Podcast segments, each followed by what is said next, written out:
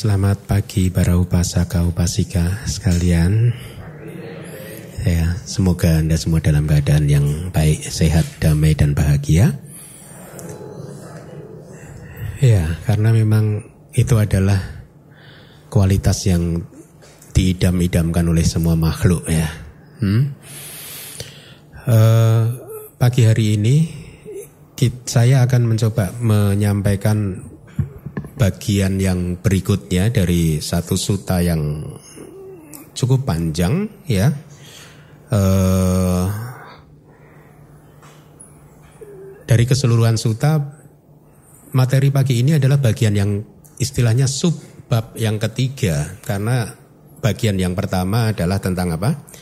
Sinopsis ya. Bagian yang kedua adalah tentang anapana pabak pabak itu ya bagian divisi pabak jadi divisi atau bagian eh, anapana, anapana itu nafas masuk dan nafas keluar. Ya, kita sudah selesai dua bagian itu. Jadi seharusnya sudah cukup panjang perjalanan kita untuk memahami suta yang merupakan suta yang sangat instrumental, artinya suta yang sangat penting di dalam uh, uh, ajaran Buddha karena faktanya suta ini juga diajarkan Buddha hanya kepada para penduduk di kerajaan Kuru, yaitu penduduk yang sangat istimewa. Ya, kenapa? Karena ya timbunan kebajikan dari karma masa kebajikan dari kehidupan masa lalunya, kemudian juga karena negaranya juga tidak terlalu panas, tidak terlalu dingin, makanan juga mudah didapat sehingga penduduk-penduduk di sana itu mempunyai kualitas kehidupan yang baik sehingga sudah berkembang Bahkan diceritakan di dalam kitab komentar e, mereka pun juga sehari-hari juga mempraktekkan perhatian penuh sati ya. E, di kitab komentar juga disebutkan bahwa suta ini suta yang sangat dalam sekali ya. Jadi sekarang Anda sudah mulai bisa mendapatkan makna apa itu yang dimaksud kalau sering pembicara mengatakan ini adalah khotbah ini sangat dalam dan lain sebagainya. Nah, Anda sudah mulai merasakannya kan? Di keseluruhan suta ini benar-benar membutuhkan sada kita ya untuk bisa terus menerus mencoba menyelami makna dari suta ini. Kalau sudah tidak punya sada ya pasti akan menyerah. Ya makanya sada itu penting sekali keyakinan ya.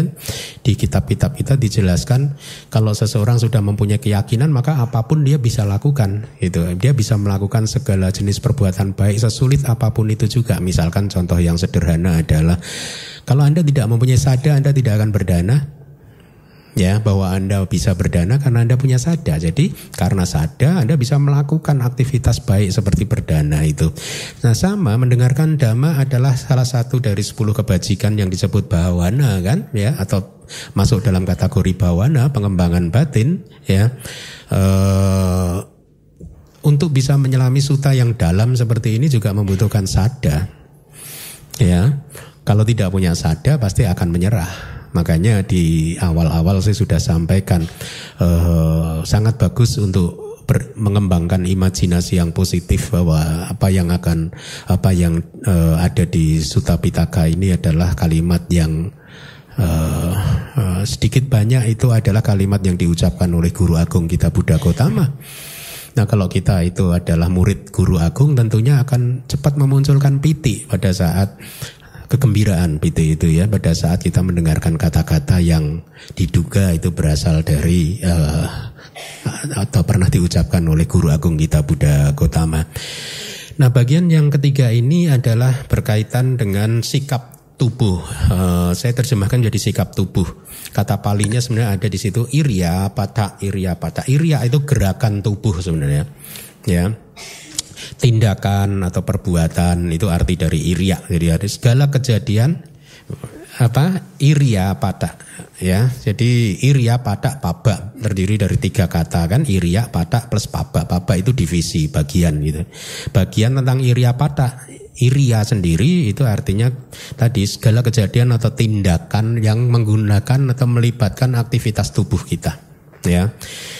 Jadi iria pada Dua kata itu kalau disambung itu mencakup satu model atau cara gerakan tubuh tertentu ya yang terjadi pada saat seseorang itu misalkan berjalan e, berdiri duduk dan lain sebagainya. Dan di sini saya terjemahkan jadi iria patak ya. Nah, di suta ini Buddha mengajarkan tentang empat iria patak ya tentang empat sikap tubuh ya yaitu pada saat yogi itu berjalan, pada kemudian yang kedua adalah pada saat yogi kita berdiri, pada saat kita duduk dan pada saat kita rebahan. Di dalam empat sikap ini Buddha mengajarkan kepada kita untuk benar-benar bisa memahami sikap-sikap ini dalam kerangka realitas yang hakiki, tidak hanya pemahaman semata-mata konsep seperti yang minggu lalu sudah sempat saya singgung, tetapi kita harus bisa melihat realitas hakikinya. Apa itu yang dimaksud? E, nanti saya akan coba uraikan. Sebelum e, pembabaran ini dimulai seperti biasa saya akan mencoba untuk membacakan palinya dan Anda boleh beranjali kata-kata ini disampaikan oleh guru agung kita kepada uh, penduduk kuru pada waktu itu. Puna japarang bikawe biko Kecandoa kecamiti bacanati Tito atitum hiti bajanati Nisino nisinom hiti bajanati Sayano sayanom hiti bajanati Yata yata wa panasa kayo panihito hoti Tata tatanang bajanati Iti ajatang wa kaye kayanupasi viharati Bahidawa kaye kayanupasi viharati. Ajata bahidawa kaye kayanupasi viharati. Samudaya damanupasi wa kaya seming viharati. Waya damanupasi wa kaya seming viharati. Samudaya waya damanupasi wa kaya seming viharati Ati kayoti wa panasa sati pacupadita hoti Ya wa dewa nyanam madaya padisati madaya. Anisito ca viharati Naca kinci loke upadiyati. Ewam biko bikawe biko Kaye kayanupasi wiharati Sadu. Ya, jadi suta ini masih berkaitan dengan perenungan uh, yogi sebagai perenung tubuh dalam kaitannya dengan tubuh ya. Sebelum saya mulai uraian ini saya mohon PIC untuk membaca yang berwarna kuning. Dan lagi para biku, ketika sedang berjalan seorang biku mengetahui saya sedang berjalan atau ketika sedang berdiri dia mengetahui saya sedang berdiri. Atau ketika sedang duduk dia mengetahui saya sedang duduk. Atau ketika sedang berbaring dia mengetahui saya sedang berbaring. Selanjutnya dengan cara apa pun tubuhnya diarahkan, begitulah dia mengetahuinya. Jadi, dia berdiam sebagai pengamat tubuh dalam kaitannya dengan tubuh secara internal, atau dia berdiam sebagai pengamat tubuh dalam kaitannya dengan tubuh secara eksternal, atau dia berdiam sebagai pengamat tubuh dalam kaitannya dengan tubuh secara internal dan eksternal, atau dia berdiam sebagai pengamat faktor-faktor kemunculan tubuh atau dia berdiam sebagai pengamat faktor-faktor kelenyapan tubuh, atau dia berdiam sebagai pengamat faktor-faktor kemunculan dan faktor-faktor kelenyapan tubuh, atau perhatian penuhnya senantiasa dihadirkan ada tubuh, hanya sebatas untuk pengetahuan dan perhatian penuh semata. Dan dia berdiam tanpa bergantung, tidak melekat pada apa pun di dunia Demikianlah para biku, seorang biku berdiam sebagai pengamat tubuh dalam kaitannya sebagai tubuh.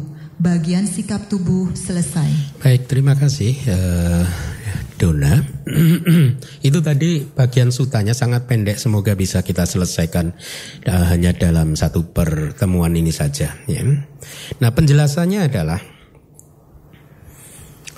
Sehubungan dengan kalimat tadi ya, pada saat seorang biku sedang berjalan dia mengetahui bahwa saya sedang berjalan dan lain sebagainya, sudah barang tentu di kitab komentar anjing, serigala dan binatang sejenisnya ketika berjalan mereka juga sadar, mereka juga tahu bahwa mereka sedang berjalan. Gitu ya. Itu kalimat yang sangat menohok ya, mencerahkan kita ya. Oh iya juga ya gitu. Dan sama dengan kita, Anda, Anda saat ini duduk, Anda, duduk Anda tahu nggak Anda sedang duduk? Tetapi kenapa pengetahuan Anda yang seperti itu, pengetahuan kita yang seperti ini tidak mencerahkan kita? Tidak membuat kilesa kita hancur. Ya, kenapa? Karena pengetahuan seorang uh, seorang yang tidak bermeditasi dan pengetahuan seseorang yang bermeditasi vipassana pada saat menyadari mengetahui bahwa saya sedang duduk itu berbeda, ya. Nah, jadi kalimat pembuka di kitab komentar ini uh, sangat bagus uh, menyadarkan kepada kita betapa di dalam aktivitas sehari-hari, di dalam gerakan tubuh kita, ya gerak-gerik tubuh kita, pemahaman kita itu sangat dangkal terhadap apa yang sedang kita alami. Jadi kalau ada yang uh, apa kita sering ya mendengarkan guru-guru kita mengajarkan kepada kita sadarilah apa pun yang sedang Anda lakukan, maka itu adalah meditasi, begitu kan ya? Tetapi nanti Anda akan mulai menemukan penjelasan yang lebih dalam daripada itu, tidak sekedar hanya menyadari karena kalau menyadari ya seperti kita saat ini saya saat ini sedang berbicara juga saya tahu saya sedang berbicara. Ya, Anda pada saat melakukan apa pun Anda juga tahu, sadar, Anda penuh perhatian, mindful terhadap apa yang Anda lakukan. Tetapi tentu saja pemahaman yang mencerahkan tidak se minimal seminim itu ya. Nanti anda saya akan sampaikan uh, satu persatu. Uh, selanjutnya uh, apa? Ini dari tadi ya kalimatnya dari kitab komentar. Jadi bukan dari saya ya bahwa anjing serigala dan sejenisnya ketika berjalan mereka juga mengetahui bahwa mereka sedang berjalan gitu. Akan tetapi Pengetahuan semacam itu tadi, pengetahuan anjing, serigala, binatang yang lain dan bahkan mungkin termasuk pengetahuan kita ya yang saat ini kita tahu bahwa kita sedang duduk atau saya sedang berbicara kan ya. Pengetahuan semacam itu dikatakan tidak berkaitan dengan yang diajarkan oleh Buddha di Mahasatipadana Sutta. Hmm? Mencerahkan lagi ya ternyata tidak sesederhana uh, being mindful dengan penuh perhatian di present moment saat demi saat gitu ya. Kenapa? Oleh karena pengetahuan yang dangkal itu tadi, ya perhatian penuh yang dangkal itu tadi, yang bahkan anjing dan serigala pun juga mempunyainya, itu satu, tidak menanggalkan pandangan tentang adanya makhluk. Artinya tidak menghancurkan pandangan salah bahwa pemah tentang pemahaman bahwa saya ini adalah manusia, saya ini adalah Bante Keminda, saya ini adalah si A, si B dan lain sebagainya. Tidak juga menanggalkan pemahaman tentang adanya roh wujud yang utuh yang sejak lahir sampai sekarang tidak pernah berubah. Ya, uh, saya sudah pernah menyampaikan lampu disco itu enggak ini sebenarnya dari kelas hari Minggu di Abidama sih. Anata dengan ilustrasi lampu disco. Sudah dari umat. Kok jangan berpikir kok Bante tahu ya lampu disco itu. Dari umat, dari umatnya ada di sini, ada di dalam ruangan ini. ya, pemahaman saya akan coba sampaikan anata ya. Anata, anicca dulu anicca. Anicca, pemahaman anicca yang dangkal adalah pemahaman seperti lampu disco. Bayangkan Anda pasti semua tahu. Kalau saya sebenarnya nggak tahu sih setelah tiga tahun. Jadi eh, tadinya saya mbak enggak enggak tahu tentang lampu disco sampai kemudian tapi saya menggunakan ilustrasi ada satu lampu ya yang lampu ini bisa berubah warna. Saya tahunya kalau saya talkshow talkshow itulah. Udah lolos kan saya dari tuduhan nggak enak kan. Udah lolos lolos lolos. Syukur ketemu alasannya. Kalau talkshow itu ada satu lampu yang bisa berubah-ubah ya kadang merah kadang hijau kadang ini gitu ya nah Seseorang memahami anicca itu sebatas seperti itu tadi. Ya, kadang lampunya merah kemudian merahnya hilang ganti hijau, hijau hilang ganti kuning, kuning hilang ganti biru. Oh, anicca Bante. Ya, tetapi pemahaman anicca yang seperti ini superficial di permukaan saja. Kenapa? Karena masih ada lampu yang utuh. Pemahaman ada lampu yang utuh yang tidak berubah-ubah yang bisa memberikan warna merah, hijau, kuning, biru dan kelabu. ya kayak balon gua ada lima itu kan. Warnanya berubah tapi lampunya tetap. Artinya apa? Orang tersebut memahami anicca tetapi dia belum bisa membongkar adanya anatta tanpa roh. Lampu yang tetap tadi itu dipegang sebagai roh, dianggap sebagai roh, dianggap sebagai diri, dianggap sebagai aku yang tidak berubah. Tetapi saya tahu memang anicca Bante. Perasaan saya berubah-ubah, kebahagiaan saya berubah, penderitaan saya berubah, tetapi tanpa disadari pemahaman tentang anatta belum dihancurkan. Nah lalu perbedaannya dengan anatta bagaimana? Kalau ini tadi belum anatta, lampunya masih satu tapi merah kuning hijau biru dan kelabunya berubah-ubah. Nah anata itu adalah lampu merah muncul kemudian hilang semuanya. Ya, lampunya yang tadi yang utuh tadi hilang, lenyap, nggak ada lagi. Kemudian di detik berikutnya muncul lampu yang baru lagi, hijau. Kemudian hijaunya padam, lampunya juga padam hilang semua, lenyap, tidak ada di pandangan mata lagi. Kemudian muncul lampu berwarna kuning sesaat, kemudian kuningnya lenyap, lampunya juga lenyap. Itulah anatta. Itulah yang harus kita realisasi melalui meditasi bahwa sesungguhnya tidak ada satu wujud apa pun yang solid yang tidak berubah seperti lampu disco tadi. Paham ya? Nah, Itulah mengapa pemahaman kita tentang anicca yang superficial tidak belum bisa mencerahkan kita karena kita belum bisa menghancurkan pandangan salah tentang adanya diri, tentang adanya makhluk, tentang adanya aku, tentang adanya roh. Itu yang pertama. Kemudian pengetahuan semacam itu tadi, serigala, anjing dan lain sebagainya tadi juga tidak menghilangkan persepsi adanya roh kalau tadi adanya makhluk. Yang ketiga adalah bahwa pengetahuan anjing, serigala dan juga bahkan kita itu bukanlah subjek meditasi atau bukan objek meditasi ya, bukan latihan kita, bukan pengembangan batin satipatthana. Nah, mencerahkan ya, loh Berarti selama ini saya praktek mindfulnya gimana ini Bante? Ya tidak sesederhana itu. Kalau ingin menjadi Arya tidak sesederhana itu. Kalau ingin keluar dari samsara ya tidak seder. Berarti nggak berguna Bante praktek perhatian penuh saya sehari-hari moment by moment present moment awareness saya itu Bante. Berguna karena present moment awareness menjaga memastikan batin kita tetap positif jauh dari serangan kilesa penting sekali. Sehingga batin kita positif.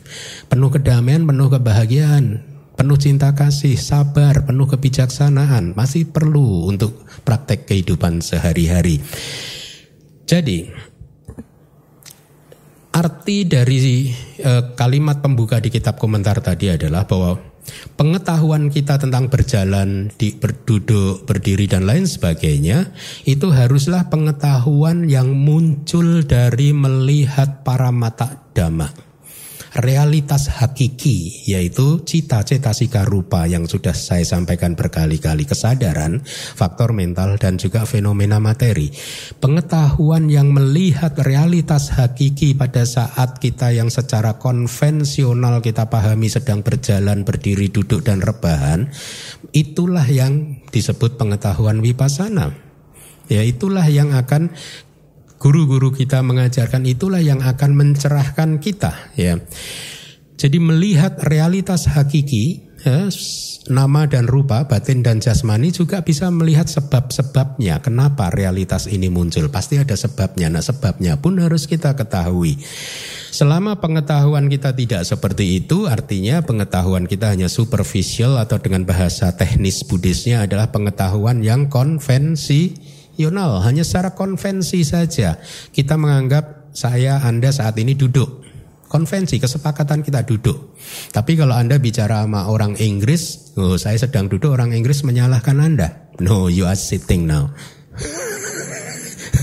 ya enggak? Nah, akhirnya ribut, bertengkar. Mana yang benar, duduk atau sitting? Itulah konvensi. kesepakatan. Duduk kita pakai sebagai kesepakatan orang-orang Jakarta, orang-orang Indonesia saja. Ya, orang Inggris nggak memakai istilah duduk ini. Ya, nah itu bukan kebenaran yang mutlak artinya dengan kata lain. Ya, karena tidak sesuai dengan realitasnya.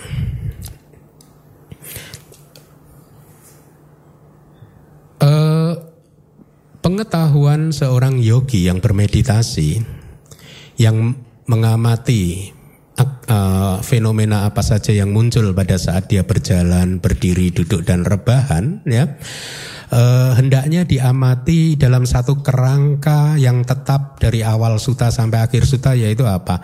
Merealisasi bahwa nama dan rupa batin dan jasmani itu mempunyai tiga karakteristik yang universal, universal yaitu anicca, duka dan anatta. Sebenarnya praktek meditasi kita hanya merealisasi ini loh, anicca, duka dan anatta saja.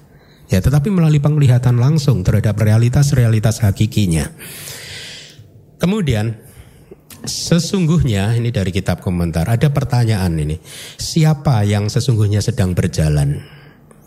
Atau kedua pertanyaan yang kedua, berjalannya siapa sih itu? Itu. Ya. Kemudian yang ketiga adalah aktivitas berjalan itu terjadi karena sebab apa? Apa yang menyebabkan terjadinya aktivitas berjalan? Nah, inilah yang harus dijawab oleh yogi ya di dalam meditasi satipatthana. Jawaban-jawaban uh, seperti itu ya itulah yang disebut pengetahuan yang muncul melalui meditasi ya.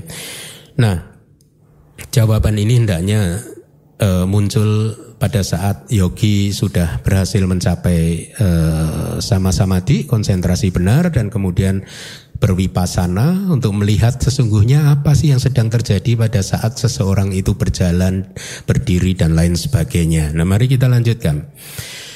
Sehubungan uh, dengan hal tersebut, terhadap pertanyaan yang pertama, siapakah yang sesungguhnya itu sedang berjalan? Siapa? Kalau anjing ditanya siapa yang berjalan ya saya, guguk guguk saya itu. Serigala juga siapa yang bertanya? Oh saya, itu ya ada pemahaman tentang saya, tentang aku, tentang makhluk ya. Tetapi pengetahuan yogi tidak seperti itu. Siapakah yang berjalan? Jawabannya adalah bukan makhluk atau individu apa pun yang sedang berjalan. Pertanyaannya adalah apakah cukup dengan pemahaman seperti itu? Setiap hari Anda di rumah pagi hari bangun tidur kemudian eh, apa mencoba untuk berdoa.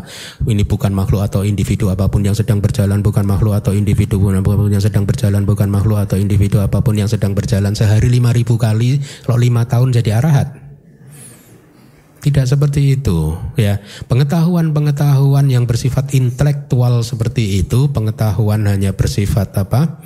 E, pemahaman otak saja seperti itu tidak bisa mencerahkan kita. Kita harus menembusnya. Apa yang dimaksud bukan makhluk atau individu apa pun yang berjalan itu, ya. Kemudian terhadap pertanyaan yang kedua, berjalannya siapa? Juga harus direalisasi bahwa berjalan bukan berjalannya makhluk atau individu apa pun. Kemudian terhadap pertanyaan yang ketiga, berjalan itu sesungguhnya e, proses berjalan itu sesungguhnya terjadi dari sebab apa? Dijawab di kitab komentar berjalan terjadi karena difusi penyebaran. Penyebaran elemen angin yang lahir dari aktivitas cita, aktivitas pikiran kita, ya. Itu adalah penjelasan dari kitab komentar sangat singkat ya. Buat mereka yang tidak dibimbing oleh guru yang berpengalaman tentu akan sulit sekali untuk merealisasi apa yang tertulis di dalam kitab induk dan juga kitab komentar. Inilah mengapa di kelas-kelas awal saya selalu berkali-kali menekankan kita ini harus bersyukur karena sudah mendapat kelahiran sebagai manusia, tidak hanya sebagai manusia yang biasa tetapi kita ini manusia yang mempunyai banyak keuntungan. Kenapa? Satu, kondisi tubuh kita sehat, ya kehidupan kita baik tidak kekurangan apa pun. Kita masih mempunyai kesempatan untuk mendengarkan dhamma yang tertulis di Tripitaka dan kitab komentar serta sub komentarnya ini, ini kondisi yang sangat sulit untuk didapatkan. Ya jangan take it for granted bahwa ini adalah keadaan yang semua orang juga bisa dapatkan. Tidak. Ya tidak. Keadaan seperti ini sangat sulit didapat. Bahkan di kehidupan kali ini kesempatan seperti ini pun sangat sulit didapat. Apalagi juga di kehidupan nanti di masa depan. Satu, tidak ada yang bisa memastikan kita nanti lahir sebagai manusia. Dua, kalau lahir sebagai manusia tidak ada yang bisa memastikan kita lahir di lingkungan Buddhis. Hmm? Tiga, kalau lahir sebagai manusia dan lahir di lingkungan Buddhis, tidak ada yang bisa memastikan Anda bisa ketemu dengan ajaran dhamma yang benar. Hmm? Empat, ya sudah lahir di keluarga Buddhis sebenarnya di dekatnya ada wihara yang mengajarkan dhamma yang benar kita sakit. Nggak bisa apa-apa. Karena kalau tubuh kita menyiksa pikiran kita juga tersiksa. Hmm? sehingga untuk memahami dhamma akan sulit sekali. Nah mumpung keadaan-keadaan yang baik ini sedang berkumpul ya kondisi-kondisi yang baik ini sedang berkumpul maka jayo Ah, semangat untuk mempelajari dhamma. Ya karena apa yang dipelajari selama itu adalah dari Tipitaka dan kitab komentar di kelahiran mana pun selama masih Anda ingin masih ingin masih ingin menjadi murid Buddha Anda akan ketemu lagi. Ya jadi kesempatan yang berharga ini hendaknya dimanfaatkan semaksimal mungkin. Nah, berjalan terjadi karena difusi, penyebaran elemen angin yang lahir dari aktivitas kita. Guru-guru di kitab-kitab sub komentar dan komentar-komentar yang lain serta guru-guru modern kita mengajarkan in, kalimat ini, membabarkan kalimat ini dengan lebih detail lagi untuk menuntun kita supaya latihan kita itu terarah dan sampai pada tujuan yaitu realisasi tentang ketidakkekalan duka dan anata dari nama dan rupa. Jangan menjadi seperti seorang yang di dalam kitab suci diberi istilah anda bala putut jana terdiri dari tiga kata. Anda itu adalah bodoh ya, e, buta ya, bala itu bodoh ya, putut jana. So, seorang putu jana ya, putu jana itu belum tercerahkan. Putu jana sudah bodoh, buta lagi artinya. udah nggak tahu apa-apa gitu ya. Jadi dia di artinya apa? Seorang yang seperti ini tidak memahami fenomena apa pun dengan benar ya. Tidak juga ada ketertarikan untuk belajar teori pariyati, Tripitaka dan juga kitab-kitab komentarnya. Nah, seorang anda balak jana ini tadi selalu menginterpretasikan kehidupannya, aktivitas berjalan, berdiri, duduk dan rebahan atau aktivitas yang lainnya dalam tiga cengkeraman yang memperpanjang samsara, memperpanjang, menambah jumlah kelahiran di dalam samsara. Tiga cengkeraman ini adalah sebenarnya kilesa kita sendiri yang disebut Pak Panca Dhamma Dhamma yaitu Dhamma yang memperpanjang samsara yaitu apa? Tanha mana didi nafsu nafsu keinginan kita kehausan kita kesombongan kesombongan kita dan pandangan salah.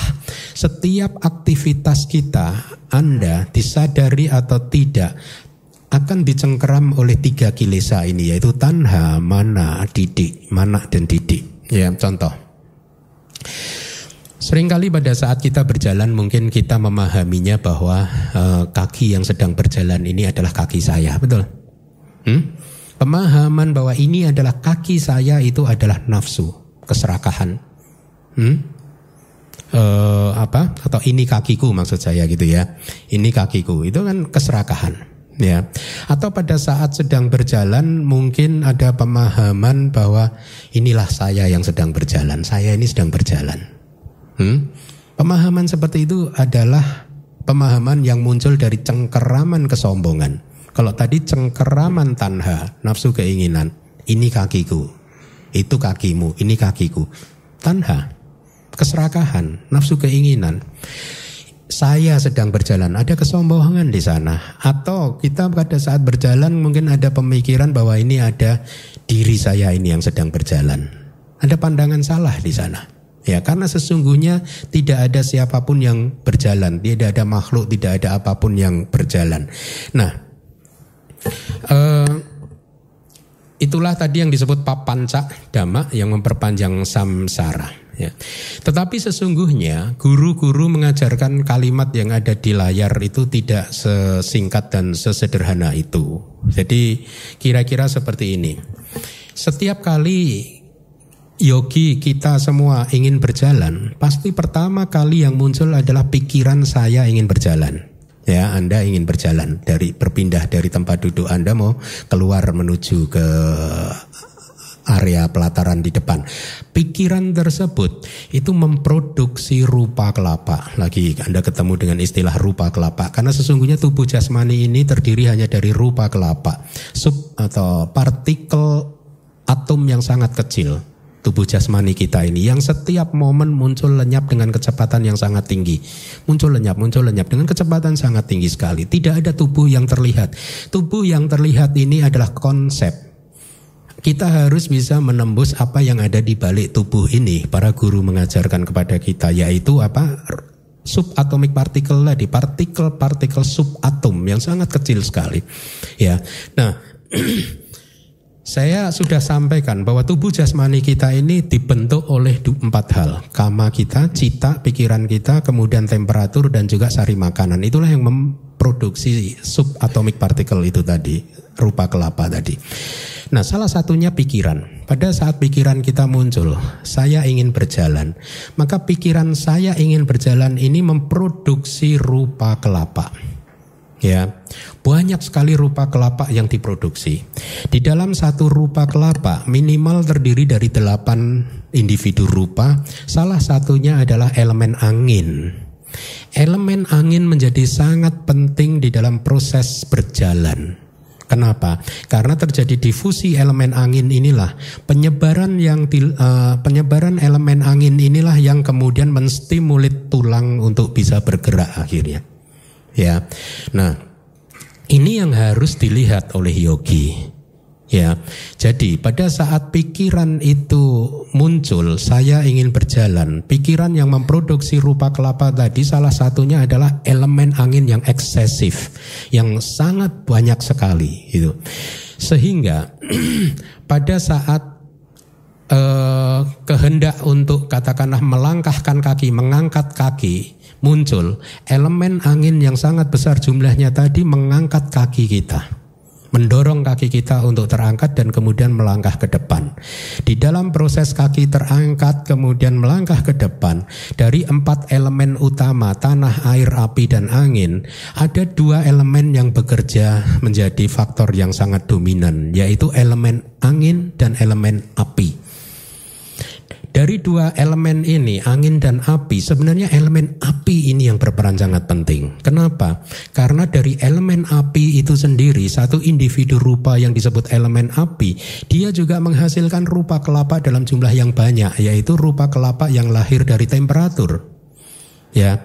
Sehingga dikatakan elemen api inilah yang sebenarnya yang utama elemen anginnya itu membantu saja. Produksi rupa kelapa terus menerus itu muncul dari cita pikiran tadi dan juga elemen api yang setiap submomen dia memproduksi rupa kelapa ya. Aduh susah ya. Susah apa? Susah sekali. Nggak apa-apa tapi menarik kan? Anda sudah dapat pengetahuan baru kan itulah Buddhism. Saya pernah beberapa kali lah dalam minggu ini ada tamu yang menemui kepada saya. Ya dalam satu minggu ini dua atau tiga tamu menyatakan hal yang senada bahwa dia tidak menyangka bahwa Buddhism sangat rasional seperti ini. Sebelumnya dia tidak menyangka. Dia dia juga mengatakan saya umat Buddha sejak lahir tapi baru mengerti Buddhism ya sejak belajar. Nah, ternyata sangat rasional. Ternyata jauh dari ritual. Ternyata jauh dari doa. Ternyata jauh dari sub, apa tahayul-tahayul. That is Buddhism. Hmm?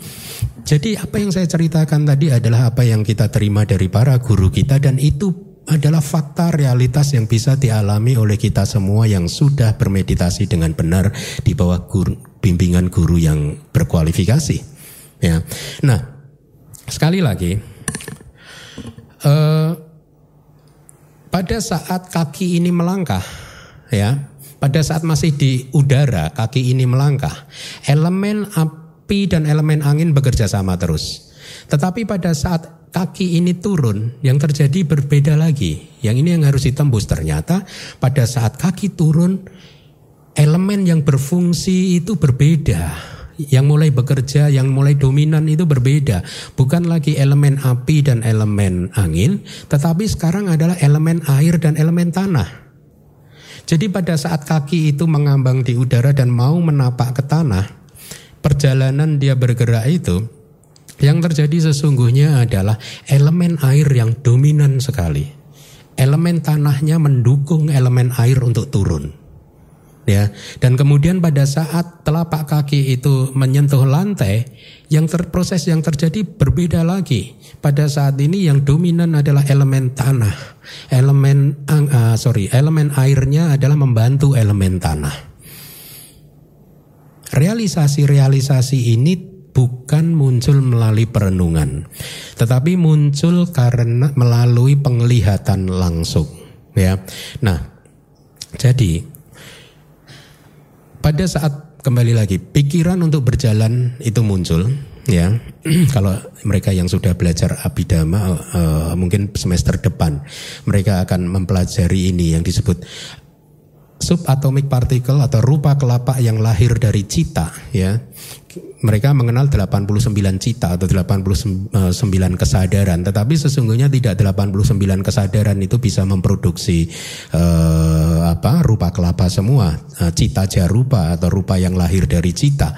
Dari 89 hanya 75 cita atau kesadaran saja yang bisa memproduksi cita jarupa atau rupa yang lahir dari cita yaitu 75 kesadaran kecuali 10 kesadaran panca indera itu tidak bisa memproduksi rupa yang lahir dari cita plus empat uh, resultan uh, non materi arupa wipaka cita kesadaran resultan non materi juga tidak bisa memproduksi rupa ya nah berarti 89 kurangi 14 berapa anak-anak Nah, kira-kira boleh nggak kalau saya jawab sendiri aja biar cepat ya? Boleh ya? 75 anak-anak.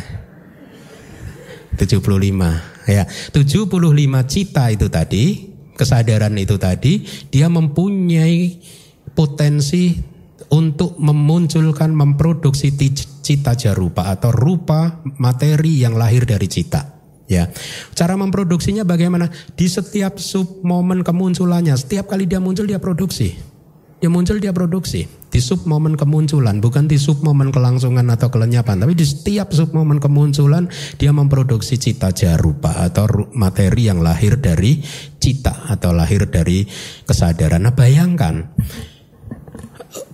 berapa banyaknya rupa kelapa yang sudah diproduksi sejak momen pertama kita masuk ke dalam kelahiran uh, kandungan ibu mamah kita ya. Karena setiap sub momen dia muncul grup atau kelompok-kelompok materi sampai kemudian menjadi tubuh kita seperti ya saat ini bertumpuk-tumpuk sehingga tub, seperti saat ini kita bisa melihat tubuh kita. Ya. Nah, jadi 75 kesadaran itu tadilah yang uh, bisa memunculkan uh, uh, apa uh, rupa atau materi. Nah, mari kita lanjutkan karena pemahaman itu akan terkait dengan penjelasan di slide-slide berikutnya. Oleh karena itu, yogi tersebut kemudian mengetahui pada saat pikiran muncul, saya hendak berjalan, pikiran tersebut melahirkan angin. Ini dari kitab komentar ya. Angin melahirkan isyarat. Nah, tentang isyarat itu coba kalau kita tidak mempunyai pengetahuan pariyati yang baik kan bingung kan. Ya, apa itu isyarat? Ya, isyarat itu adalah juga sebentuk materi, individu materi. Ya, winyati gitu. Di dalam dari 28 individu materi yang membentuk tubuh jasmani kita, dua di antaranya disebut isyarat, yaitu isyarat ucapan dan isyarat tubuh. Ya, dua isyarat ini diproduksi oleh cita. Ya, nah karena kita sedang berbicara tentang berjalan, maka yang di maksudkan isyarat di sini adalah isyarat tubuh. Jadi artinya sesungguhnya bukan karena angin melahirkan isyarat, karena isyarat itu lahir dari cita. Pikiran Anda yang ingin berjalan itulah yang menghasilkan isyarat. Nah, isyarat itu adalah fenomena materi yang berproses sedemikian rupa sehingga bisa menyampaikan merealisasi apa yang ada di pikiran seseorang. Contoh, Kalau dia ingin berjalan, ya, maka isyarat ini tadi yang memastikan elemen anginnya tadi untuk bergerak sedemikian rupa sehingga membentuk gerakan kaki terangkat, kemudian melangkah, turun dan menapak ke lantai. Itu yang isyarat karena kemudian kita memahami oh itulah berjalan. Kaki diangkat, melangkah, turun mengenai lantai, ya. Jadi pada saat pikiran seseorang muncul saya ingin berjalan, pada saat itu dia memproduksi empat elemen yang tadi sudah saya sebutkan, fungsinya berbeda-beda. Pada saat kaki terangkat, maju dan lain sebagainya. Tapi tidak hanya ini saja yang diproduksi, ada er, ada materi lain yang disebut isyarat yang diproduksi. Isyarat inilah yang memastikan akhirnya kita tahu oh dia sedang berjalan. Gerakan anginnya sedemikian rupa sehingga sesuai dengan apa yang dia pikirkan. Itu isyarat, ya. Nah, pergerakan keseluruhan tubuh secara terus-menerus yang disebabkan oleh difusi penyebaran elemen angin yang lahir dari cita atau pikiran disebut sebagai berjalan ya. Nah, itu versi sederhananya lagi. Ya, versi lengkapnya guru-guru meditasi akan menjelaskan kepada kita, kepada murid-muridnya apa yang dimaksud kalimat yang ada di slide ini tadi. Ya. Di dalam satu jentikan jari, cita kita, pikiran kita itu muncul lenyap itu dalam jumlah yang sangat banyak sekali. Abhidhamma mengatakan di dalam satu jentikan jari kira-kira ada satu triliun kesadaran muncul dan lenyap. Bayangkan, ya. Dan satu triliun kesadaran yang muncul di dalam satu jentikan jari ini di setiap sub momen munculnya dia memproduksi rupa kelapa. 75 cita itu tadi. Ya. Nah, jadi dari sebagian rupa kelapa itu tadi ya eh, apa ele, empat elemen berfungsi secara dominan tergantung pada gerakan kakinya. Pada apakah dia sedang mengangkat kaki melangkahkan turun atau menapak kaki. Tetapi coba bayangkan pada saat yogi sedang berjalan pada saat pikiran ingin berjalan itu muncul ya kemudian meng, mengakibatkan aktivitas berjalan. Dia berjalan dari titik ini ke titik di ujung tembok sana bolak balik sini ke sana sini ke sana. Besar kemungkinan di tengah-tengah dia sedang berjalan dia mendengar sesuatu. Ya sehingga eh suara apa itu tadi?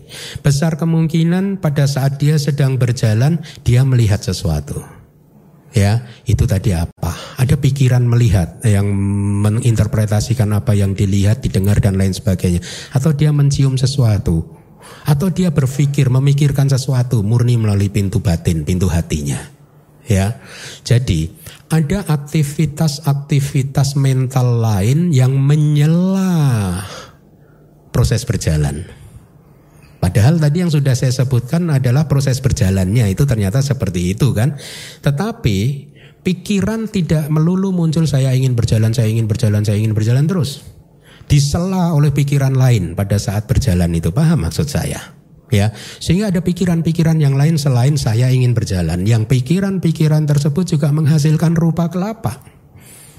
Lalu bagaimana rupa kelapa yang dihasilkan oleh pikiran yang lain ini tadi? Hmm? Apakah dia membentuk isyarat yang akhirnya bergerak sesuai dengan apa yang dia pikirkan atau bagaimana? Nah, yang menarik adalah di kitab kita disebutkan di dalam kondisi yang seperti ini yogi akan mengamati adanya dua kualitas kumpulan rupa kelapa yang berbeda. Satu adalah rupa kelapa yang primer yang muncul dari pikiran ingin berjalan tadi. Kedua ada kelompok rupa kelapa yang bersifat sekunder Yogi akan melihat perbedaannya antara yang primer dan yang sekunder. Itu perbedaannya seperti apa? Kitab komentar subkomentar memberikan perumpamaan yang sangat bagus. Ibaratnya ada arus air sungai yang deras sekali. Air sungai ini deras mengalir deras sekali, ya. Kemudian di atas permukaan arus tersebut itu ada daun, ada sampah, ada ranting dan lain sebagainya. Semua yang saya sebutkan tadi hanyut oleh arus sungai tadi, betul? Ya, dia hanyut karena arus sungainya itu sangat besar. ya sehingga akhirnya semua bentuk yang uh, jatuh ke sungai tersebut dia terbawa arus. Nah, dalam ini contoh yang bagus terhadap dua fenomena materi yang berbeda itu tadi, yaitu fenomena materi yang muncul dari pikiran ingin berjalan dan fenomena materi yang muncul di tengah-tengah proses berjalan pada saat dia melihat, mendengar dan lain sebagainya. Karena pikiran ini juga menghasilkan menghasilkan materi kan. Jadi ada dua kelompok materi yang berbeda. Lalu bagaimana? Pertanyaannya kan itu. Ternyata ya materi utama yang muncul dari pikiran ingin berjalan itu seperti arus sungai tadi. Sedangkan materi yang muncul pada saat dia melihat, mendengar dan lain sebagainya itu seperti daun, ranting, sampah dan lain yang masuk ke sungai. Sehingga pada saat kita sedang berjalan kemudian di tengah jalan kita mendengar ada proses kognitif pintu telinga yang muncul ya. Dari semua proses kognitif di pintu telinga itu hanya kesadaran telinga saja yang tidak bisa memproduksi rupa. Tetapi kesadaran yang lain dia memproduksi materi. Nah, materi yang diproduksi oleh pendengaran itu tadi, proses kognitif pintu telinga ini tadi, dia begitu muncul hanyut terbawa oleh arus sungai. Jadi di sini ada dua jenis rupa, kitab sub komentar kita menjelaskan. Satu adalah materi pembawa, pengangkut, yaitu materi yang diproduksi oleh pikiran ingin berjalan dan seterusnya. Dua yaitu materi yang terbawa, hanyut, materi yang hanyut, dihanyutkan oleh materi utama itu tadi. Ya, menarik. Tidak. tidak menarik. Menarik tidak? Tidak atau menarik? Menarik atau tidak? Oke. Okay. Okay. Saya kira Anda kayak anak-anak itu kalau anak-anak kan menarik atau tidak? Tidak. Saya kita balik, kita balik. Tidak atau menarik? Menarik. Nah, tahu sekarang. nah, jadi sekarang Anda sudah mendapat pemahaman teoritis tentang fenomena seperti apakah yang terjadi pada saat seseorang itu berjalan bahwa sesungguhnya ya uh, uh, apa yang berjalan itu bukan makhluk, bukan perempuan dan lain-lain yang berjalan. Sesungguhnya di dalam kitab sub juga dijelaskan lebih detail lagi. Tidak hanya proses kognitif di pintu mata, telinga yang melihat, mendengar dan lain sebagainya menghasilkan rupa kelapa kecuali kesadaran panca indera, tetapi bawangganya juga. Ya, tapi Anda nggak paham ya bawangga ya. Bawangga itu faktor kehidupan yang menyambung dua proses kognitif atau menyambung kehidupan. Dia juga setiap sub momen memproduksi cita, rupa juga, memproduksi materi juga, ya. Nah, itu pun termasuk ranting daun yang hanyut oleh arus sungai itu tadi ya. Nah, jadi sekarang Anda mulai tahu bahwa sesungguhnya yang berjalan siapa? Bukan makhluk, bukan individu lalu siapa? Difusi empat elemen. Ya bisa elemen angin yang utama atau api ya atau elemen air atau elemen tanah. Dia yang yang menyebabkan tulang belulang kita ini bergerak sesuai dengan pikiran kita. Ya ada kerjasama antara materi yang disebut isyarat tubuh dan juga empat elemen itu tadi. Ya itu tadi adalah tentang berjalan. Untuk sikap tubuh yang lain seperti uh, berdiri, duduk dan juga rebahan dipahami dengan cara yang sama. Misalkan eh, terjadi dengan pola yang sama. Misalkan ketika pikiran saya akan berdiri muncul maka akan mem, pikiran itu tadi akan memunculkan rupa kelapa seperti yang saya sudah sampaikan tadi ya. Pada saat kita mengangkat tubuh kita ingin berdiri maka pada saat itu yang dominan adalah kembali lagi dua elemen yaitu api dan angin ya. Nah, kemudian pada saat sudah berdiri kemudian tubuh kita tegak, yang dominan juga berbeda lagi yaitu elemen tanah. Ya. Dan juga dibantu oleh elemen uh, air gitu. Pergerakan tubuh uh, atau ketika pikiran saya ingin duduk pada saat Anda tadi masuk ke sini, kalau Anda adalah yogi, begitu pikiran saya ingin duduk muncul, Anda akan bisa mengamati pikiran tersebut memproduksi rupa kelapa yang banyak sekali jumlahnya ya. Salah satu dari rupa kelapa tersebut adalah elemen apa? tanah dan air. Pada saat Anda bergerak duduk ingin menyentuh kursi, maka elemen airnya yang dominan. Pada saat Anda sudah duduk di kursi, maka elemen tanahnya yang dominan. Sama seperti menapakkan telapak tangan itu tadi. Ya, nah ini yang harus dilihat. Ya, demikian juga pada saat kita berbaring. Ya. Kemudian terhadap pertanyaan yang berikutnya, berjalannya siapa itu tadi? Ya, milik siapa ya aktivitas berjalan itu tadi? Sama seperti penjelasan di atas di proses berjalan terjadi tanpa adanya pelaku. Saya waktu awal tahun 2000 di Myanmar pertama kali saya mendengar kalimat di Maga itu sangat kayak wah itu. Padahal kalimat itu mungkin Anda pernah mendengarnya berkali-kali. Cuman ada sensasi yang berbeda yang saya rasakan pada saat mendengar itu untuk pertama kali dari guru saya. Sensasinya sangat berbeda, sangat dalam sekali gitu. Kalimat itu adalah kira-kira begini. Ada perbuatan tetapi tidak ada siapa pun yang berbuat. Itu guru saya mengatakan itu. Saya mendengarkan diam di depan persis di depan beliau. Karena kalau beliau udah matok saya paling suka duduk di depan. Ya, eh, dekat dengan beliau gitu. Kemudian beliau ada jalan tetapi tidak ada makhluk satupun yang berjalan di atasnya.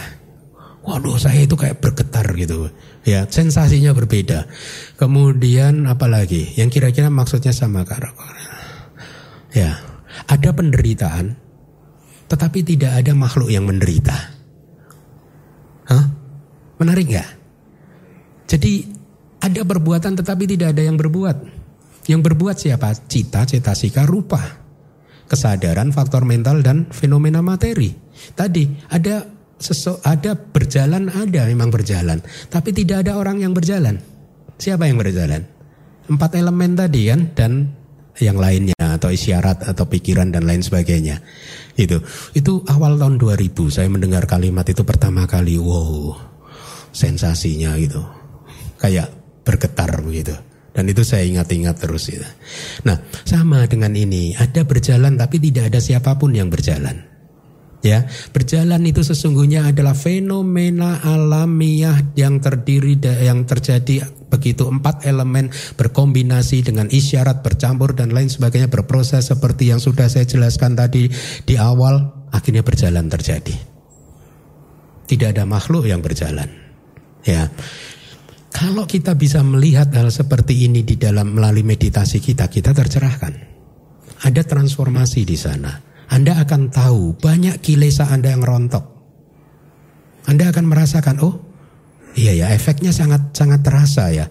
Kalau dulu marah itu sehari sekali, sekarang seminggu sekali. Sebulan sekali, setahun sekali, sepuluh tahun sekali. Oh, enak kan? Ya makanya saya pernah mendapat ini dari seorang suami gitu. Uh, pokoknya di rumah tangga gitu. Salah satu mereka itu saling uh, mensupport apabila pasangan mereka itu ikut retret. Ya kenapa? Karena kalau pulang retret biasanya wah beda Bante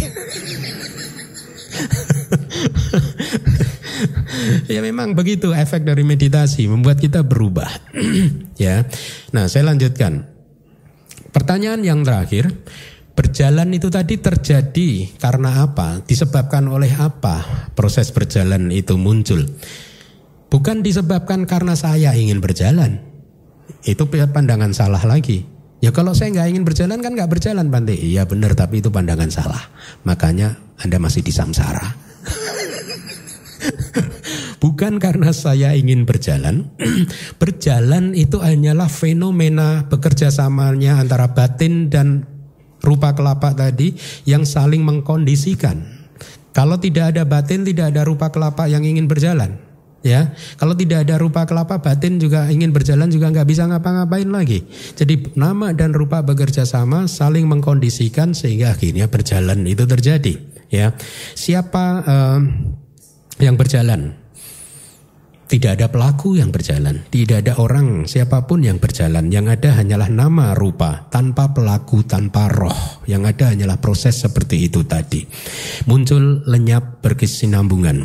Nah, Para guru mengajarkan kepada kita bahwa apabila kita hanya mengerti gerakan tubuh tanpa melihat realitas hakiki yang seperti itu, maka itu bukan subjek meditasi. Tadi di awal sudah dikatakan, itu bukan meditasi. Uh, lalu selama ini praktek saya gimana nih Bante? Huh? Nggak apa-apa, untung tahu sekarang. Daripada nggak pernah tahu seumur hidup sampai akhir ke akhir samsara, mending ada akhirnya samsara. Masa sedihnya itu gitu loh, samsara itu bisa bisa jadi tanpa akhir loh. Kalau kita lengah terus nggak mau berlatih terus bisa saja kita muncul lenyap muncul lenyap terus ya. ya nggak pernah mencapai apa yang disebut apa amata. Amata itu adalah keadaan tanpa kematian. Karena yaitu itu nama lain dari nibana. Karena di dalam nibana disebut tanpa kematian. Kenapa? Karena di nibana tidak ada kelahiran, tidak ada usia tua, tidak ada kematian. ya, makanya tidak ada penderitaan samsara di mana pun Anda lahir, selama kelahiran itu, selama itu pula lah kita akan mengalami penderitaan. Maka janganlah beraspirasi untuk lahir di sini, lahir di sana. Kalaupun ini ya beras, semoga saya di kelahiran berikutnya sepanjang samsara bisa menjadi purit Buddha, menjadi biku dan secepat mungkin merealisasi nibbana. Nah itu bagus. Kalau hanya semoga dengan dana saya yang sang sebenarnya sangat besar sekali ini, tapi ini saya paksakan, tapi karena semua doanya dia udah mengeluh gitu. Semoga dengan dana saya ini saya bisa terlahir di surga. Surga juga penuh penderitaan kok. Hmm? Anda Anda Anda menyepelekan makna kebajikan. Kekuatan kebajikan itu harusnya lebih dari itu. Tidak sesederhana ingin lahir di surga. Ini kan sama aja Anda beli gadget mahal dipakainya ya SMS. Lo harusnya gadgetnya bisa dipakai lebih daripada itu kok hanya dipakai SMS. Hmm? Kalau hanya mau SMS pakai HP jadul itu lah. Ya enggak? Yang mencetnya kalau B dua ketukan, tep tep D. F itu F itu tiga ketukan D E F tek tek tek F itu kan. Ya enggak? Kalau Dhamma Wihari Buddhis tadi D-nya tetap hanya tek tek gitu, A-nya tek lagi, ya gitu kan dulu kita gitu ya. M tek nah gitu susah kan? Tapi dulu hafal ya gitu ya. Tanpa melihat ya mata kita ya bisa. iya begitu baru boleh lahir, minta lahir di surga. gadgetnya mahal kok mintanya lahir di surga. Hmm, mintanya harusnya bagaimana gadget mahal? Lebih dari SMS yaitu keluar dari samsara. Hmm, ya, jadi itu memaksimalkan gadget namanya. Nah, kalau Anda cermati di dalam penjelasan yang sudah saya sampaikan tadi itu melibatkan dua fenomena saja, dua kelompok fenomena, yaitu nama kanda dan rupa kanda agregat mental dan agregat materi. Agregat mental itu misalkan saya ingin berjalan, itu agregat mental. Ya, bisa muncul dari cita dan cetasika, kesadaran dan faktor mental. Ya. Kemudian empat elemen isyarat itu adalah agregat materi. Inilah mengapa Buddha selalu mengatakan bahwa sesungguhnya apa yang kita anggap sebagai saya ini sesungguhnya hanyalah nama dan rupa batin dan juga jasmani. Di luar batin dan jasmani tidak ada roh lagi yang solid, yang utuh, yang kekal, yang tidak berubah. Seperti lampu disco tadi yang kadang merah, kadang biru. Enggak, enggak ada. Hanya itu tadi. Di luar itu sudah tidak ditemukan fenomena lagi. Nah, realisasi anata mulai terjadi. Oh, itu yang disebut anata. Karena Yogi mulai melihat langsung di luar fenomena yang disebutkan tadi sudah tidak ada lagi yang mengendalikan fenomena tadi, yang memiliki sebagai pemilik dari fenomena itu tadi nggak ada lagi. Proses itu berkondisi muncul lenyap saling mengkondisikan ya. Ima seming sati idang hoti ketika ini ada itu ada kalau ini nggak ada itu nggak ada. Lalu roh bagaimana? Di mana fungsinya? Nggak ada lagi. Ya, inilah pengetahuan-pengetahuan yang mencerahkan tentang anatta. Mari kita lanjutkan. Selanjutnya, dengan cara apa pun tubuhnya itu digerakkan atau diarahkan, begitulah dia mengetahui. Seperti itu tadilah dia harusnya merealisasinya. Ya, artinya apa? Dengan cara apa pun tubuhnya diarahkan ya selain empat gerakan tubuh tadi. Ya misalkan, kadang kan kita tidak hanya berjalan, berdiri, duduk dan rebahan kan? Hah? Di sela-sela itu ada aktivitas lain kan, misalkan pada saat makan, ya atau pada saat mungkin Anda berpindah patah kemudian ada umat misalkan Anda biku ya yang biku berpindah patah kemudian ada dayika umat perempuan yang berdana. Kemudian tersenyum mencoba menggoda Anda gitu. Tersenyum mengeluarkan senyum yang termanisnya gitu. Yang Anda lihat hanyalah rupa kelapa rupa kelapa saja jadi rugi ya dia rugi ya. Nanti ditanya uh, Uzin kalau orang Myanmar kan gitu Uzin tuh bante Uzin oh, tadi dekama uh, apa Dayika tadi dana lo Uzin lihat enggak? Yang mana? Yang tadi? Oh yang saya lihat hanya rupa kelapa. Atau hanya tulang belulang yang saya lihat. Nah harusnya seperti itu ya. Kita tidak lagi melihat konsep lagi tapi yang kita melihat adalah realitas hakiki ya itu yang dimaksudkan Jadi sesungguhnya di dalam aktivitas apa pun selain dari empat gerakan tubuh itu tadi tidak ada makhluk atau siapa pun yang melakukan aktivitas tadi ya. Kitab komentar memberi contoh seperti halnya ketika seseorang atau kita berkata ada sebuah kereta, ya bukan kereta mobil tapi kereta zaman 2600 tahun yang lalu, ada sebuah kereta berjalan atau berhenti. Sesungguhnya tidak ada kereta yang berjalan atau berhenti ya. Bahwa istilah kereta itu muncul karena kesepakatan saja atau bahasa palingnya wohara saja ekspresi sehari-hari saja, ungkapan umum saja, ya itu kereta.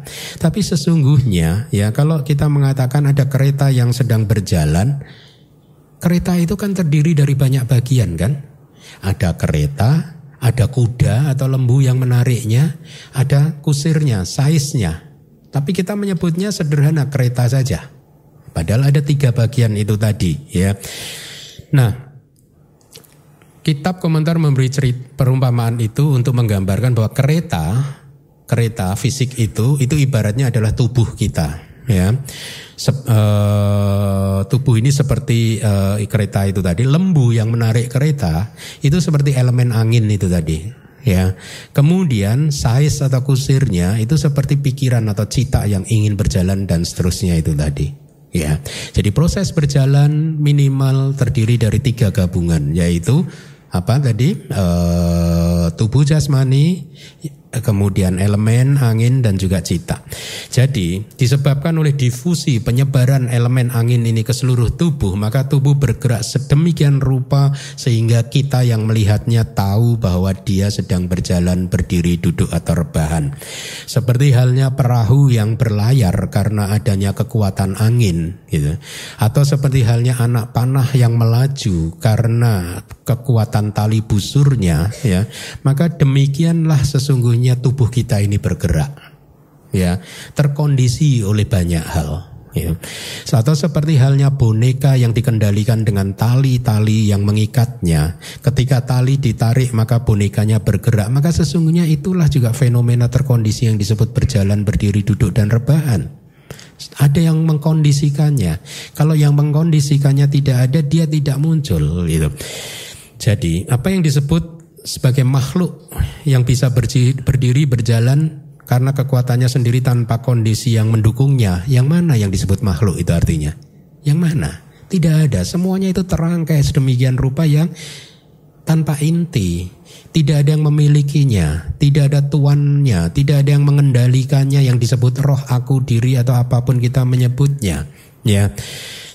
Yogi memahami hal yang seperti itu bahwa ternyata yang ada hanyalah hubungan saling mengkondisikan antara batin dan juga tubuh jasmani gitu. Selanjutnya uh, di syair tadi juga disampaikan bahwa uh, Iti ejadang wa kaye kaya nubasi wiharati itu. Demikianlah seorang biku berdiam sebagai perenung tubuh dalam kaitannya dengan tubuh. Dan dia harus uh, merenungkannya secara internal ya, berdiam sebagai pengamat tubuh dalam kaitannya dengan tubuh secara internal. Gitu. Artinya apa? Dengan cara demikian seorang biku berdiam sebagai pengamat tubuh dalam kaitannya dengan tubuh dengan menelaah secara utuh empat sikap tubuh dirinya sendiri. Tetapi Buddha juga mengajarkan kita juga harus mengamati empat sikap tubuh eksternal, yaitu sikap tubuh orang lain, ya dengan mempelajari secara utuh empat sikap tubuh orang lain. Alasannya apa? Sama seperti yang dijelaskan di minggu-minggu awal bahwa kadang pandangan salah, tanha, kesombongan kita itu tidak hanya berkaitan dengan diri kita sendiri bisa jadi berkaitan dengan eksternal, faktor eksternal. Ya misalkan seperti yang sudah saya sampaikan, ada orang yang berkata Bante kalau saya sendiri ini buat saya hidup ini sudah selesai, sudah nggak punya keinginan lagi Bante, sudah bebas saya ini sebenarnya ya hanya saja anak-anak saya ini sama aja, sama Anda masih belum tercerahkan. Anak ini masih membebani ya, ya itu belum tercerahkan. Secara internal bagus, secara eksternalnya yang kurang. Makanya eksternal harus di juga di, di, diamati empat sikap tubuh orang lain bahwa sesungguhnya yang terjadi hanyalah proses yang demikian itu tadi nama dan rupa yang saling mengkondisikan. Kemudian pengamatan juga harus dilakukan secara internal dan eksternal artinya pada satu waktu dia berdiam sebagai pengamat tubuh sebagai tubuh dengan menelaah, eh, menelaah secara utuh empat sikap tubuh dirinya sendiri, tetapi di kesempatan yang lain yang diamati adalah uh, sikap tubuh dari orang lain. Ya, apa yang diamati? Ingat, yang diamati adalah realitas hakiki, batin dan jasmani, internal dan eksternal, bukan konsep, bukan seperti tadi anda berpindah patah, kemudian ada dayika, upasika dana tersenyum. Setelah itu makanan sudah dimasukkan ke patah, Anda nggak mau bergerak karena masih ingin melihat senyumnya itu tadi gitu. Itu konsep. Anda terjebak pada konsep senyum dari dayika itu tadi. Upasika. Selanjutnya, dia juga e, berdiam sebagai pengamat faktor-faktor kemunculan tubuh dan lain-lain, yaitu artinya kemunculan dari agregat materi dan agregat mental ya melalui lima cara sesuai metode asal mula dari materi berasal dari awija dan lain-lain. Ini sesungguhnya adalah kata lain dari kita mengamati faktor-faktor kemunculan dari tubuh itu apa. Lima sebab dari masa lalu kan? Awija sangkara, tanda, upadana, kama bawa. Ada lima kan? Ketidaktahuan, formasi-formasi berkehendak, kehausan atau nafsu keinginan, pelekatan, dan juga karma. Lima inilah yang menjadi penyebab kemunculan tubuh jasmani. Ya, nah kita tidak hanya melihat hubungan sebab akibat itu tadi, Artinya pada saat lima sebab masa lampau ini eksis, maka ini muncul. Kalau ini tidak eksis, ini tidak muncul. Nama dan rupa, pikiran, uh, batin dan jasmani kita tidak ada ya. Tapi kita juga melihat apa yang disebut hubungan kemunculan momen by momen, saat demi saat. Bahwa sesungguhnya fenomena mental apa pun, fenomena materi apa pun itu setiap saat muncul lenyap dengan kecepatan yang sangat tinggi yang diperkirakan di dalam satu jentikan jari itu terjadi satu triliun kali itu kitab kita sangat cepat sekali.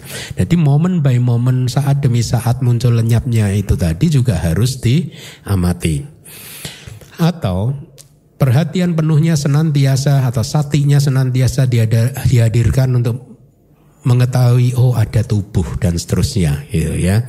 Ha, ada tubuh. Artinya adalah hanya ada tubuh, bukan makhluk bukan individu, bukan perempuan, bukan laki-laki, bukan roh, bukan milik roh, bukan aku, bukan milikku, bukan siapa pun, bukan milik uh, siapa pun dan seterusnya. Yang ada hanyalah fenomena yang saling mengkondisikan seperti tadi. Yang ada hanyalah gerakan tubuh, duduk, berdiri, berjalan, berbaring sesuai proses cita dan rupa kelapa yang tadi sudah dijelaskan. Nah, di tahapan seperti ini, yogi berada di antara rentang pengetahuan wipasana yang dimulai dari bangga nyana atau pengetahuan tentang penguraian dari nama dan rupa ya Dia maju terus sampai kemudian dia mencapai sangkarupekanya. Nah itu pengetahuan duniawi yang tertinggi.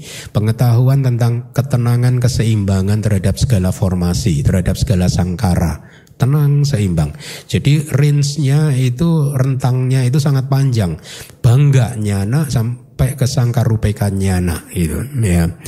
Apabila pengetahuan wipasana ini tadi muncul satu persatu masa maka begitu dia sudah sampai sangkar rupekanyana ketenangan terhadap segala formasi sesungguhnya tinggal sedikit lagi dia mencapai maga jalan dan buah. Tidak lama lagi dia mencapai jalan dan buah. Karena sudah dekat sekali dan meditasi menjadi sangat menyenangkan. Itulah mengapa sering kali kepada para peserta pabaja eh, saya memberikan ilustrasi buat mereka yang meditasinya uh, berkembang. Uh, biasanya pada awal retret, yogi akan mengalami kesulitan. Ya, tubuhnya sakit, pikirannya sulit untuk dikendalikan, lari ke sana ke sini, sulit, sangat sulit gitu. Tetapi pada saat yogi sudah mulai bisa merealisasi pengetahuan wipasana yang ketiga, ya, udaya bayaknya nah dia mulai bisa melihat muncul dan lenyapnya pikiran batin mereka sendiri. Dia mulai bisa melihat muncul dan lenyapnya uh, tubuh jasmani mereka sendiri. Maka meditasi mulai stabil di sana. Dia bisa mulai duduk lama nyaman sekali. Sudah tubuhnya tidak tegang semuanya sudah santai kendor rileks dan lain sebagainya gitu ya. Tetapi di tahapan ini sesungguhnya juga masih ada kesulitan. Untuk mengembangkan pengetahuan wipasana yang lain sampai ke sangkarupa nyana tadi. Itu sangat sulit. Ya. Jadi ada dua kesulitan. Yogi yang pertama sulit untuk mengembangkan, untuk membuat tubuhnya rileks, kendor, santai. Ya, yogi yang kedua tubuhnya udah kendor, rileks dan santai, tetapi sulit untuk mencapai sangkarupekanya, nah gitu. Tetapi ada dua perbedaan dari kesulitan ini, ya. Yang satu sulitnya itu kan nggak enak karena tubuhnya sakit-sakit, kilesanya meng, me, me, kilesanya menyiksa dia sendiri gitu. Ya, Yogi yang pertama tadi dia mengalami me, menghadapi kesulitannya dengan kualitas hati tubuh yang tidak enak, sakit-sakitan. Tapi Yogi yang kedua dia menghadapi kesulitannya dengan nyaman, ya tubuhnya sudah kendor semua, pikirannya sudah uh, lembut ya, sudah ini pengamatannya sudah tajam gitu. Jadi sama-sama sulit tapi yang satu nggak enak, yang satunya enak. Anda pilih yang mana? Enggak dua-duanya karena belum belum belum belum mencapai maga dan pala. Tujuan kita mencapai maga dan pala, jalan dan buah. Ya. Nah, jadi ada tubuh, tidak ada makhluk, tidak ada aku dan lain sebagainya. Hingga akhirnya yogi tadi berdiam tanpa bergantung. Artinya dia tidak lagi bergantung pada tanha dan didik. Nafsu, keinginan, kehausan, dan pandangan salah itu artinya. Dia sudah terbebas dari tanha dan didik nafsu dan juga pandangan salah. Kenapa bisa demikian? Karena dia sudah mencapai empat jalan, yaitu jalan sotapati, jalan sakadagami, jalan anagami, dan jalan arahata. Empat jalan ini menghancurkan kilesa secara bertahap. Ketika jalan arahata itu muncul, semua kilesa yang ada hancur semua. Sehingga sejak dia mencapai jalan arahata dan diikuti dengan buah arahata, keluar dari sana dia sudah menjadi seorang arahat yang sudah menghancurkan semua kilesa. Sudah menghancurkan semua noda-noda batin, ya. Dan inilah mengapa arahat tidak melekat pada apa pun di dunia. Anisito ca wiharati na ca kinciloke upadiyati. Dia tidak bergantung pada apa pun ya. Dia juga tidak melekat pada apa pun gitu. Artinya apa? Dia sudah tidak lagi memahami duduk seperti yang kita pahami. Kalau kita kan, oh saya sedang duduk, ini kursinya nggak enak saya pindah ke kanan ah. Kursi yang satunya lagi. Duduk sebelah kursi oh kok masih nggak enak? Duduk lagi belakang. Masih ada nafsu keinginan kehausan di sana. Masih ada pandangan salah. Masih ada penolakan ya. Kalau anda duduk di satu kursi kok merasakan kursi nggak enak kemudian anda pindah hati-hati itu dosa kebencian, bukan dosa itu kayak sebelah sebelah itu kebencian. Anda benci dengan situasi yang Anda hadapi saat ini. Anda makanya Anda pengen pindah dan itu aku salah, itu tidak baik ya. Itu akan menghasilkan penderitaan, hati-hati ya. Nah, kita sudah sampai ke bagian akhir. Ini hanya ringkasan dari realisasi yang dikelompokkan oleh guru ke dalam kerangka empat kebenaran mulia. Sati atau perhatian penuh yang menelaah atau mengamati empat sikap tubuh secara utuh adalah kebenaran mulia tentang penderitaan atau kebenaran mulia tentang pertama karena dia adalah fenomena yang muncul lenyap. Tanha atau nafsu keinginan awal yang menjadi sebab munculnya sati tersebut adalah kebenaran mulia tentang asal mula atau kebenaran mulia tentang uh, ya asal mula penderitaan. Kebenaran mulia yang kedua samudaya saca. Uh, sebenarnya tidak hanya tanha kebenaran mulia yang kedua, tapi empat sebab masa lalu yang lain. Masih ingat ya apa tadi? Awija, sangkara, upadana, kama bawa. Ya. Kemudian tiadanya kemunculan keduanya adalah kebenaran mulia tentang kelenyapan atau KM 3 ya kilometer ketiga. Eh, kebenaran mulia yang ke Tiga, jalan Arya yang memahami duka, meninggalkan asal mula duka, mengambil kelenyapan sebagai objek adalah kebenaran mulia tentang jalan. Tetapi di minggu lalu sudah saya sampaikan, kebenaran mulia tentang jalan yang keempat yang seperti ini adalah duniawi. Ya, harusnya kalau yang adi duniawi adalah mengambil uh, kelenyapan yaitu nibana itu jalan yang mengambil objek nibana. Kemudian selesai. Terima kasih sudah mendengarkan dengan seksama. Semoga bermanfaat. Sadu, sadu, sadu.